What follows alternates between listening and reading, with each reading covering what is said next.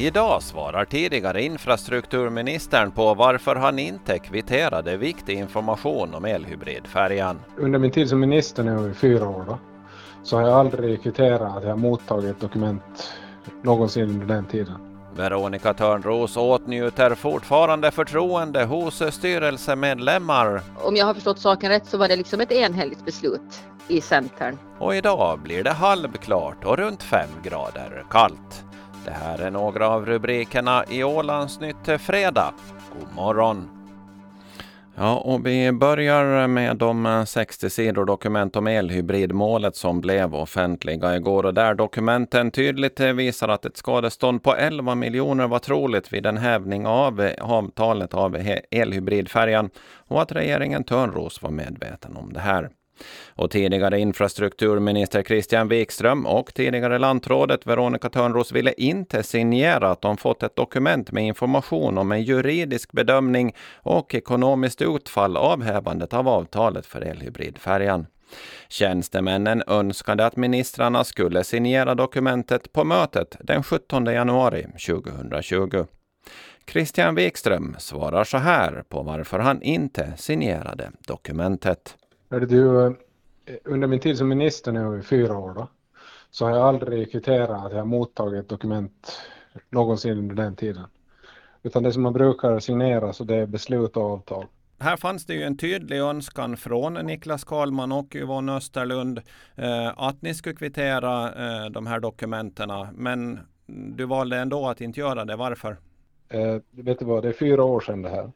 Så det här är ett offentligt dokument och jag är väldigt glad över att alla de här dokumenten är offentliga så man kan diskutera den här frågan på ett, på ett sansat sätt nu eh, när allting är officiellt.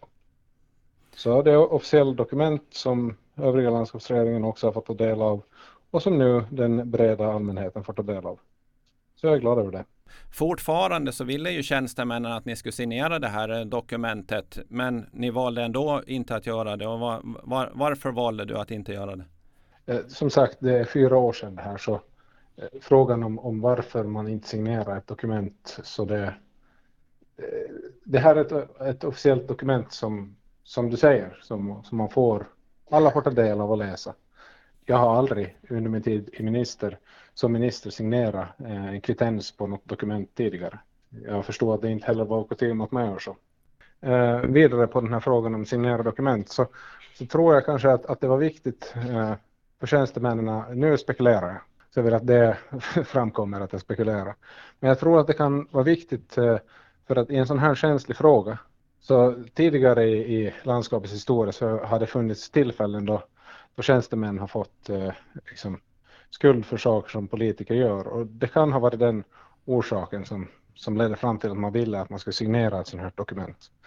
Eh, jag, jag, kan inte svara på, på det, eh, men det, men det skulle kunna vara en, en teoretisk eh, möjlighet. Eh, men om vi följer då den eh, teoretiska möjligheten, eh, den spekulationen som du har, om tjänstemännen eventuellt skulle ha känt en sån oro och det här då var ett politiskt beslut som det ju var, skulle det inte ha varit, om vi säger fair play mot tjänstemännen att signera de här dokumenten eftersom de efterfrågade? Som sagt, jag kommer inte ihåg den här situationen. Jag har inte, jag har inte minne av exakt hur den här diskussionen gick till och, och vad det var som det handlade om. Men jag tror att om du frågar tjänstemännen om, om jag har betett mig på ett sådant sätt eh, under mina år att jag har försökt undslippa mig ansvar för olika frågor och också mitt agerande generellt sett under fyra års tid så tror jag inte att visa på att jag försöker eh, slinka undan saker och ting. Men det får väl var och en bilda sin egen uppfattning om förstås. Och det sa tidigare infrastrukturminister Christian Wikström. Och Veronica Törnros har lovat att kommentera dokumentationen idag, fredag.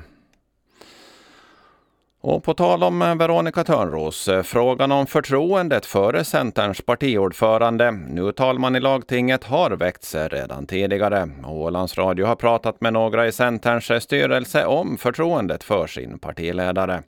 Vi hör först centerpartisten Gunnar Westling och han tror inte att Törnros avgår är den bästa lösningen vissa skulle säkert uppskatta det, men jag tror inte de som, som har förtroende eller skulle rösta på Centern från första början, de skulle uppskatta en sån sak. Den, den stora delen av dem. Sen finns det säkert personer inom partiet som skulle tycka det också. Pia Eriksson sitter också hon i Centerns styrelse och hon känner fortsatt förtroende för Törnros. Om jag har förstått saken rätt så var det liksom ett enhälligt beslut i Centern att säga upp avtalet och då anser jag att då bör hela partiet ta sitt ansvar. Sen är det klart att hon som främst figur, frontfigur för Centern då, så, ja, så kan man ju diskutera då om, om det är så då att väljarna och Centermedlemmarna tycker att det är behov av att byta så då är det ju tvunget då. Men, men mitt förtroende har hon nu i alla fall. Jag ser heller inte någon som kan ta över efter henne och jag anser att det kanske inte är läge för typ, att få turbulens inom partiet nu, vem som ska leda partiet. Hon tror dock att Centern som parti har blivit skadat och precis som Gunnar Westling tror hon att ålänningarnas förtroende för hela politiken på Åland är skadat.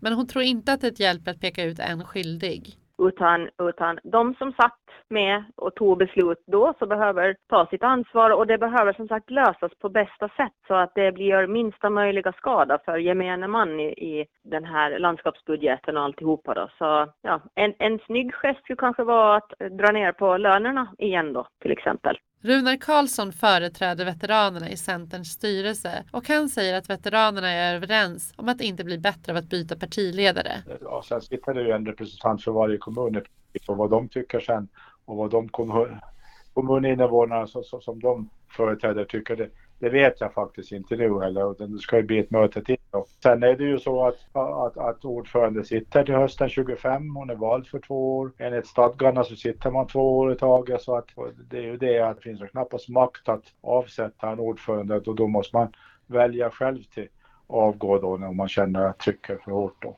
Och sist hörde vi Runar Karlsson. Centern-reporter var Maria Broberg. Så lämnar vi elhybridaffären för den här sändningen. Nödnummerdagen, eller 112-dagen, infaller nu på söndag den 11 februari. Då testas förmedlingssystemet för varningsmeddelanden i hela landet.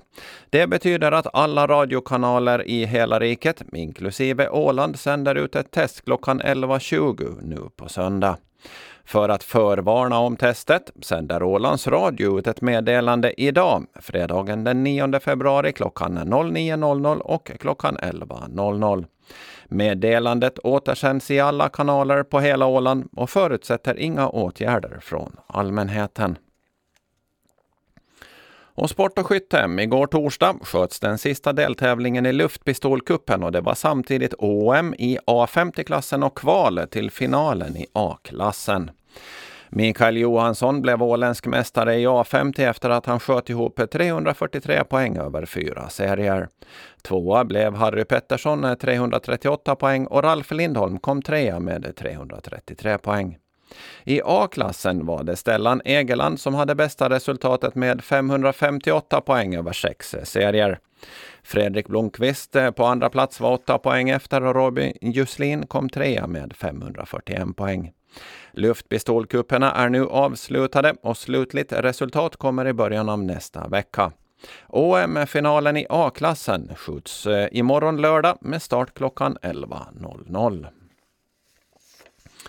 Och så vädret. Idag blir det halvklart till mulet och uppehåll efter nattens temperaturer med under eh, minus eh, 10 grader så stiger det till en 5-6 minusgrader under dagen. Vinden är mest ostlig, till en början svag men ökar till en 5-6 meter per sekund framåt eftermiddagen. Sjövädret ostlig till sydostlig vind 5 till 9 meter per sekund. På norra Östersjön upp till 11 meter per sekund. Lokalt snöbyar samt sjörök, annars mest god sikt. Och morgonens väderobservationer 20 över 7. Utö, ostlig vind 9 meter per sekund, minus 6 grader. Kumlinge, nordostlig vind 2 meter per sekund, minus 15 grader. Nyhamn, ostlig vind 6 meter per sekund, minus 7 grader. Märket, ostlig vind 5 meter per sekund, minus 7 grader. Och i Mariehamn är det just nu minus 10 grader. Och vattenståndet vid mätstationen i Föglö var klockan 20 över 7 45 centimeter över medelvattenståndet. Och det var Ålandsnytt tillsammans med mig, Ove Sjöblom.